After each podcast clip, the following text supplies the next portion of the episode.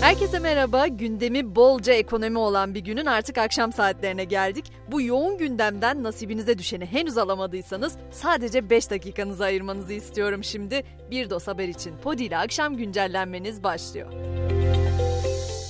Bugün hala bu haberi duymayan varsa ve benden duyacaksa gerçekten mutluluk duyarım ama çoktan duymuş olanlar için yapabileceğim hiçbir şey yok. Çünkü doğrudan 7 milyondan fazla çalışanı ilgilendirdiği için gözümüz kulağımız Ankara'daydı bugün. Sözü daha fazla uzatmayayım yeni asgari ücret belli oldu. Çalışan ve işveren tarafları ortak bir rakam üzerinde anlaşamadı. Açıklama ise Cumhurbaşkanı'ndan geldi. 2023'te uygulanacak net asgari ücret 8506 lira olarak belirlendi. Asgari ücrette Temmuz ayına göre yaklaşık %54,5, yılbaşına göre ise %100 artış gerçekleşti.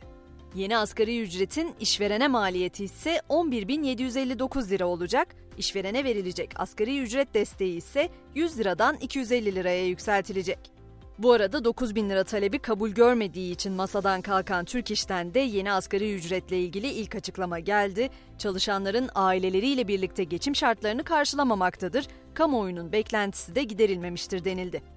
Tabi asgari ücretin 8506 liraya çıkması sonrasında memurlardan da ek zam çağrısı geldi. Açıklama yapan memur sen Ocak ayında kamu personeline ek iyileştirme yapılması talebinde bulundu.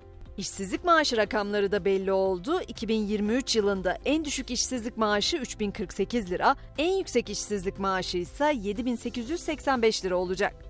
Günün ekonomiyle ilgili diğer başlığı ise Merkez Bankası'nın açıkladığı faiz oranıydı. Merkez Bankası Para Politikası Kurulu yılın son toplantısını gerçekleştirdi. Banka beklentiler doğrultusunda politika faizini %9'da sabit bıraktı. Ekonomi cephesinden son haberimse cebimizle ilgili, cebimizi yakacak haberle ilgili benzine yine zam var çünkü 67 kuruşluk zam bu gece yarısından itibaren geçerli olacak. Yeterince paradan konuşup çenemi yorduğuma göre artık başka başlıklara geçebilirim. Mesela Ocak ayından itibaren okullardaki ücretsiz yemek uygulamasının kapsamının genişleyeceğinden söz edeyim. 2023'te okul öncesiyle taşımalı ve yatılı okullardaki öğrencilerin tamamı ücretsiz yemek yiyecek. Bu arada çocuk istismarının araştırılması için de araştırma komisyonu kurulması kararlaştırıldı. Komisyon kurulmasına dair görüşmeler Meclis Genel Kurulu'nda 3 Ocak'ta yapılacak. Artık biraz sınırlarımızın dışına çıkalım istiyorum. Çocuklarımız için güzel haberlerden söz ettim ama Afganistan'da Taliban kadınlara üniversite eğitiminin ardından kız çocuklarının ilkokul eğitimi almasını da yasakladı. Ayrıca okullarda kadın öğretmenlerin de çalışamayacağı belirtildi. Afgan kadınlar ise bugün sokağa çıktı. Taliban'ın bu yasaklarını protesto ettiler. Geçelim Avrupa'ya. Oradan sık sık grev haberleri veriyorduk ama bu sefer farklı bir olayla geldim.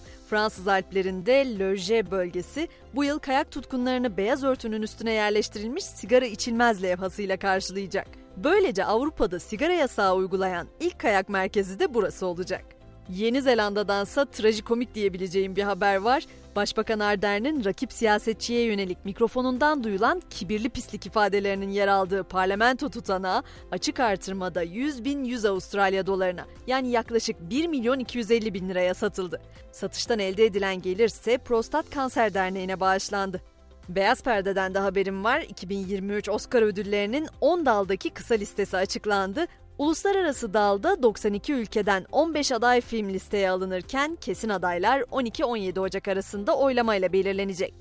Ve yurt dedik, dünya dedik, uzaydan da söz edelim. İki Airbus uydusuyla ilk ticari uçuşunu yapması planlanan Vega C roketinin fırlatma işlemi başarısız oldu. Sorunun nedenine yönelik inceleme başlatıldı. Vega C ne yapacaktı diye sorarsanız dünya gözlem uydularını yörüngeye götürmeye çalışıyordu. Hemen spor dünyasına da bakalım. Ziraat Türkiye Kupası'nda bugünün öne çıkan karşılaşması Galatasaray'la Ankara Keçiören gücü arasında oynanacak. Maç saat 21'de başlayacak. Potada ise Türk Hava Yolları Avrupa Ligi'nin 15. haftasında Fenerbahçe Beko Sırbistan'ın Partizan takımını konuk edecek. Bu mücadelenin başlama saatinin de 20.45 olacağını hatırlatayım.